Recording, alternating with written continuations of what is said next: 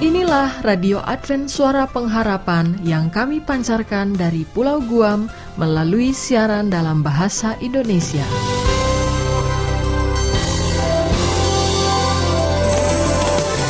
Salam sejahtera kepada saudara pendengar di mana pun Anda berada. Selamat berjumpa kembali dengan kami Radio Advent Suara Pengharapan.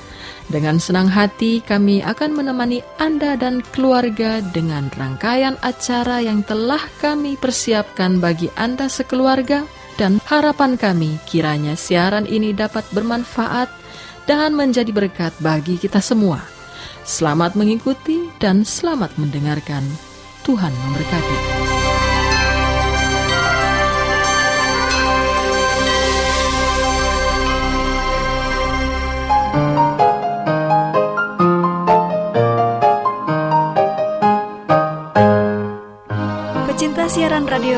Suara Pengharapan, serta para pendengar di mana pun Anda berada, salam dalam kasih Kristus. Selamat berjumpa kembali dalam program acara komunikasi di dalam rumah tangga. Acara ini sudah dipersiapkan dengan harapan agar dapat menambah wawasan dan pengetahuan bagi rumah tangga serta keluarga Anda masing-masing. Oleh sebab itu, kami dari studio mengucapkan selamat mengikuti.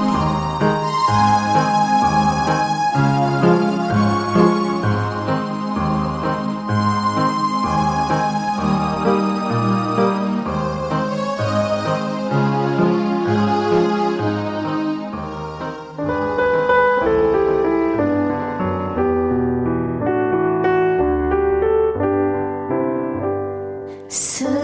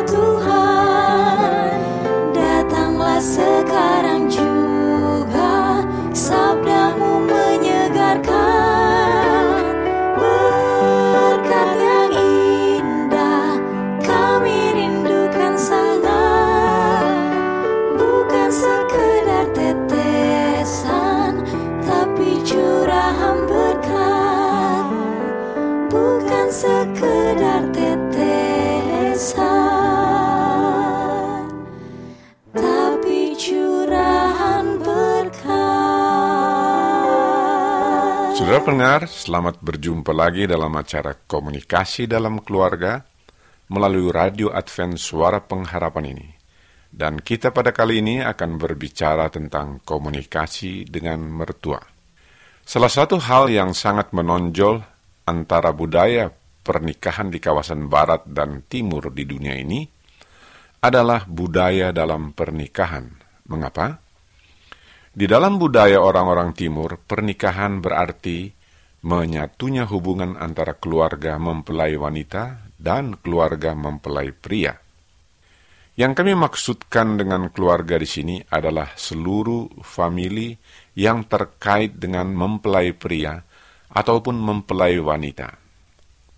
Ini berarti nenek, kakek, adik, kakak, keponakan, tante, om, bule atau bude, dan sebagainya. Itulah budaya timur kita.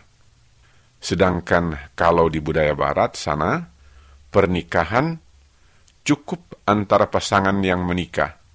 Itulah sebabnya di barat sana jarang ada pesta pernikahan dengan undangan-undangan di atas 100. Sedangkan kalau kita di timur atau di Jakarta saja, minimal undangan yang tersebar dalam pesta pernikahan antara 300 sampai dengan 500 orang. Sudah pendengar, salah satu anggota keluarga yang paling penting di samping suami atau istri atau anak-anak adalah mertua. Dan sudah pendengar, hubungan dengan mertua yang senantiasa menjadi persoalan di dalam kehidupan pernikahan. Tidak heran, baik di negara barat ataupun timur, mertua sering menjadi bahan ejekan. Baru-baru ini saya menerima berita melalui email dari salah seorang rekan saya dan memberikan beberapa aturan apabila berhubungan dengan mertua, dan antara lain seperti berikut ini. Selesai makan malam bareng mertua, janganlah bersendawa, apalagi sengaja dikeraskan. Di samping tidak sopan, hal itu mencegah agar mertua Anda tidak ikut-ikutan tingkah laku Anda. Sudah jadi ketetapan umum bahwa mertua tidak mau kalah dengan menantunya.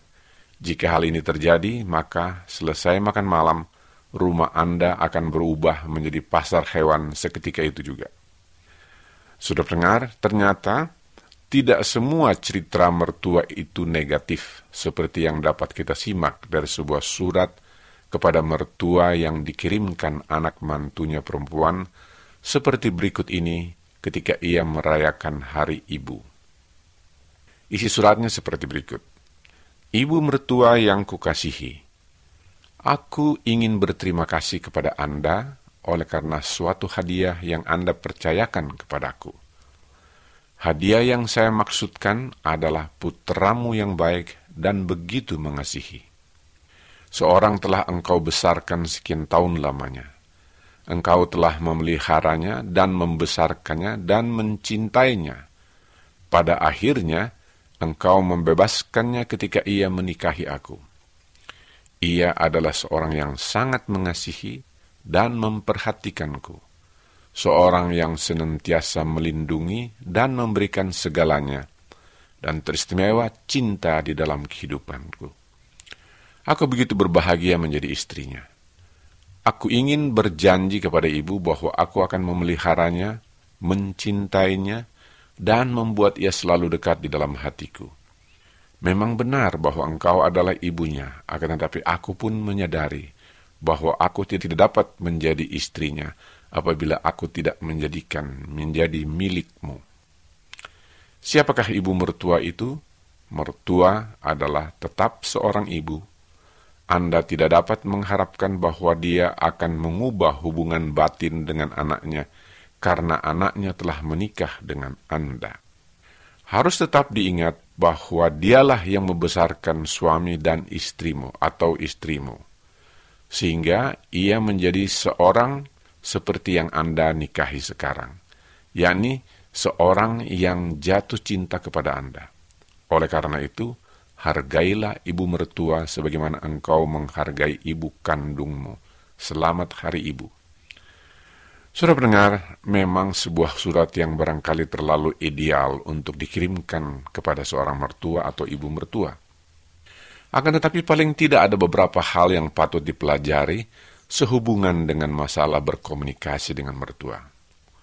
Yang pertama adalah menyadari bahwa mertua adalah ibu dan istri atau suami Anda. Dan yang pasti bahwa ia memiliki hubungan emosional yang sangat kuat dengan anaknya. Apalagi bila Anda sebagai suami menghadapi mertua Anda, yakni ibu dari istri Anda. Demikian pula sebaliknya, anda sebagai istri menghadapi ibu dari suami Anda. Oleh karena antara ibu dan anak biasanya memiliki hubungan emosional yang sangat kuat. Hubungan emosional seperti ini bila diganggu, maka biasanya akan menyebabkan reaksi yang sangat kuat. Bahkan biasanya mudah menimbulkan konflik antara suami istri. Yang kedua, sebagai seorang ibu, akan sulit bagi Anda, baik Anda sebagai suami ataupun istri, yang mempengaruhi apalagi mengubah hubungan batin atau hubungan emosional dengan anaknya. Apalagi hubungan emosional ini telah terbina sejak suami atau istri Anda dilahirkan. Paling tidak itu telah terbina selama kurang lebih 20 tahun. Sedangkan Anda baru membina hubungan emosional tersebut.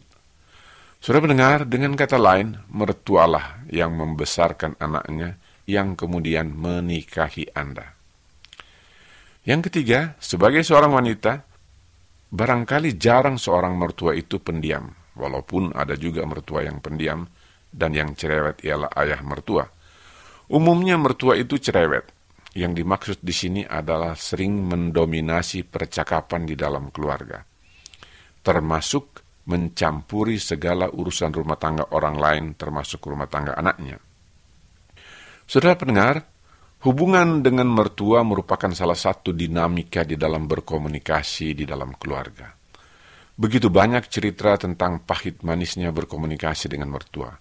Kalaupun kita berbicara tentang mertua, selalu yang menjadi isu seolah-olah semua mertua memiliki karakteristik yang sama, apalagi karakteristik negatifnya. Padahal di dalam kenyataan kehidupan sehari-hari, setiap ibu mertua memiliki karakteristik yang berbeda satu sama yang lain. Hal mana akan bergantung pada keadaan keluarga dan keadaan lingkungan sosial serta budaya. Oleh karena itu, sepatutnya lah apabila Anda sudah mulai mempunyai hubungan yang akrab dengan calon istri atau calon suami Anda, sebaiknya Anda pun menggunakan dan meluangkan waktu untuk membangun hubungan baik dengan calon mertua. Kemudian, berbagai karakteristik dari mertua Anda, Anda coba mendalami nilai-nilai kehidupan kedua mertua Anda.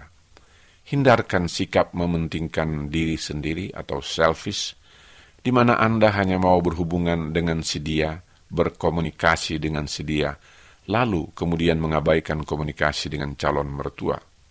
Sebab memelihara komunikasi dan hubungan yang baik dengan calon mertua berarti anda melakukan investasi untuk hubungan baik dengan keluarga di masa mendatang. Bila tidak, hal itu sama dengan Anda menanam bom waktu, di mana sewaktu-waktu akan meletus, sehingga merusak hubungan cinta yang telah Anda bina selama ini. Kisah Ruth di dalam Alkitab memberikan suatu contoh yang paling ideal mengenai hubungan antara anak mantu dan mertua. Ibu Naomi adalah mertua dari Ruth, seorang janda yang telah ditinggalkan suaminya karena meninggal. Pada suatu saat, Ibu Naomi sebagai seorang mertua berkata kepada Ruth dan mengatakan agar ia pulang saja kepada iparnya dan kemudian suku bangsanya. Tetapi sudah pendengar, perhatikan apa yang diucapkan oleh Ruth di dalam Ruth 1 ayat 16. Kata Ruth, janganlah desak aku meninggalkan engkau, dan pulang dengan tidak mengikuti engkau. Sebab ke mana engkau pergi, ke situ jugalah aku pergi. Dan di mana engkau bermalam, di situ juga aku bermalam. Bangsamulah bangsaku, dan Allahmulah Allahku. Sudah pendengar, mudah-mudahan hubungan Anda dengan mertua senantiasa berbahagia. Terima kasih.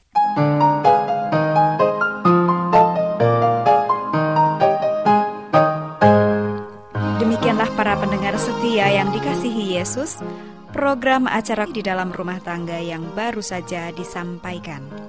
Besar harapan kami program ini dapat bermanfaat untuk kehidupan rumah tangga Anda, sehingga dapat semakin hari semakin mengarah kepada yang lebih baik. Kami yang bertugas dari studio saat ini mohon diri, sampai bertemu kembali pada waktu berikut. Salam dan doa kami mengiringi Anda sekalian. Kiranya Tuhan memberkati kita semua.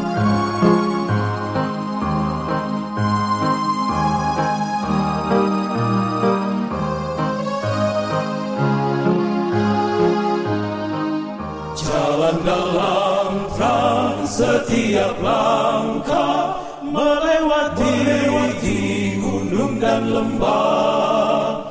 Yesus bersabda selalu kan serta Janjinya pasti kita berubah. Terang Terang dari surga, terangnya Tuhan, mulianya penuhi jiwaku. Haleluya, aku gembira bersama Yesus, ku bahagia. Dalam terang surga bersama Yesus, ku selalu senang berjalan terus. Langkahkan kaki, sorakan puji, jalan dalam terang penuh kasih. Terang dari surga, terangnya Tuhan, mulianya Shalom bagi semua sahabat pendengar. Kabar baik bahwa kisah dan kesaksian terkait siaran dan pelayanan AWR Indonesia kini dapat diikuti secara berkala, baik melalui siaran harian Radio Advent Suara Pengharapan setiap minggu kedua dan keempat, juga melalui YouTube dan Facebook AWR Indonesia. Terima kasih banyak untuk yang sudah menyampaikan dan masih terbuka bagi Anda semua untuk segera SMS atau telepon ke nomor AWR di 0821 1061 1595 atau di nomor 0816 1188 302 untuk WhatsApp dan Telegram. Kami tetap menunggu dukungan Anda.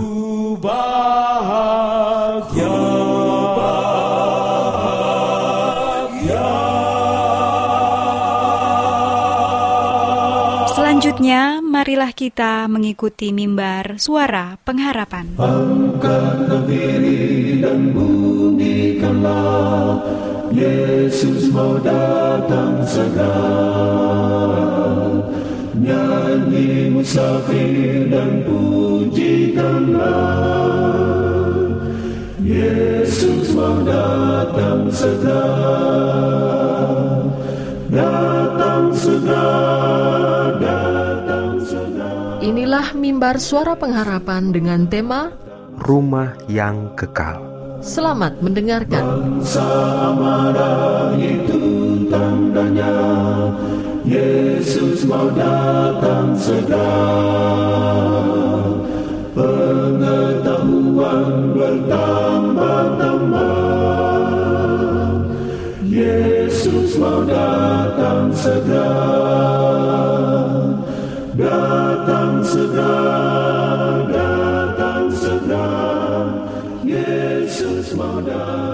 Saudara pendengar yang dikasihi oleh Allah, kembali lagi dalam mimbar suara pengharapan dengan saya Pendeta Muda Robert Gultom akan membahas suatu pelajaran yang berjudul Rumah yang Kekal.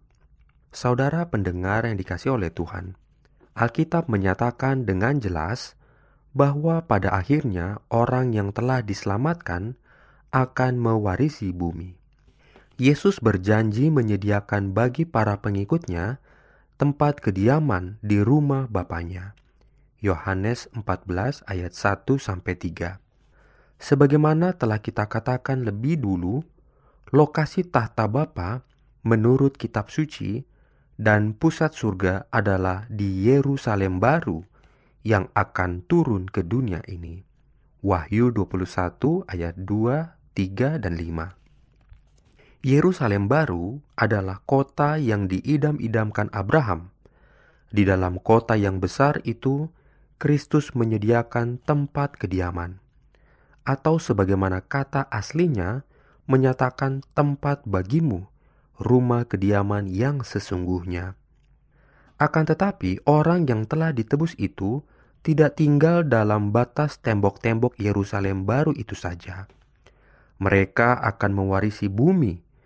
Dari rumah kota mereka, umat tebusan itu akan pergi ke pedalaman untuk merencanakan dan membangun rumah idaman mereka, menanam tanaman, menuai, dan memakannya. Yesaya 65 ayat 21 Di dunia baru, janji yang disampaikan Yesus kepada murid-muridnya dulu akan mencapai kegenapannya yang kekal, supaya di tempat di mana aku berada, kamu pun berada. Yohanes 14 ayat 3 Tujuan penjelmaan Allah beserta kita akhirnya terpenuhi. Lihatlah kemah Allah ada di tengah-tengah manusia, dan ia akan diam bersama-sama dengan mereka. Mereka akan menjadi umatnya, dan ia akan menjadi Allah mereka. Wahyu 21 ayat 3 Di sinilah orang yang telah diselamatkan itu memperoleh hak hidup di hadapan Bapa dan Anak dalam persekutuan dengan mereka. Allah akan melibatkan orang yang ditebus itu untuk mengurusi kerajaannya. Tata Allah dan tata anak domba akan ada di dalamnya, dan hamba-hambanya akan beribadah kepadanya. Dan mereka akan memerintah sebagai raja sampai selama-lamanya. Wahyu 22 ayat 3 sampai 5. Kita tidak mengetahui sejauh mana keterlibatan mereka dalam pemerintahan itu. Namun demikian, kita dapat menduga bahwa peranan yang dilakonkan mereka di dalam kerajaan itu adalah peran yang penting.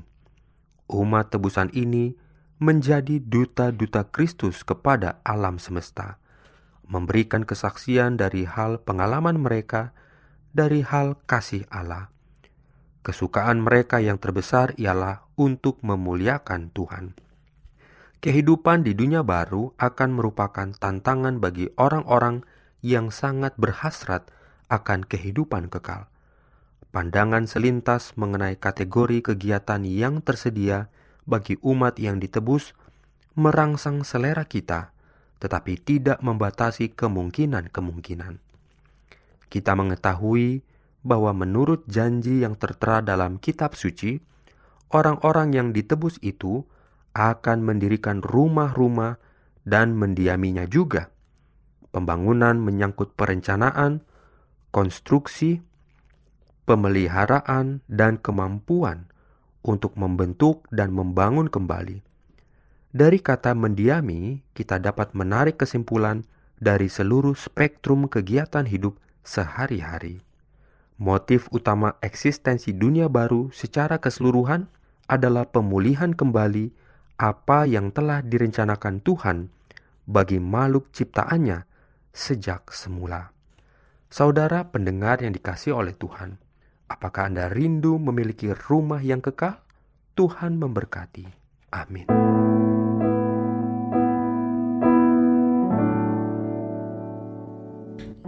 Seberang di negeri perjanjian Tuhan. Ada kota suci Tuhan sediakan.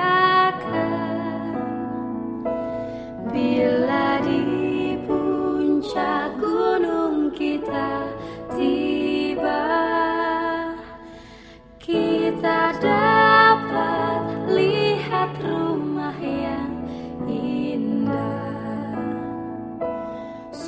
sudah dekatlah rumah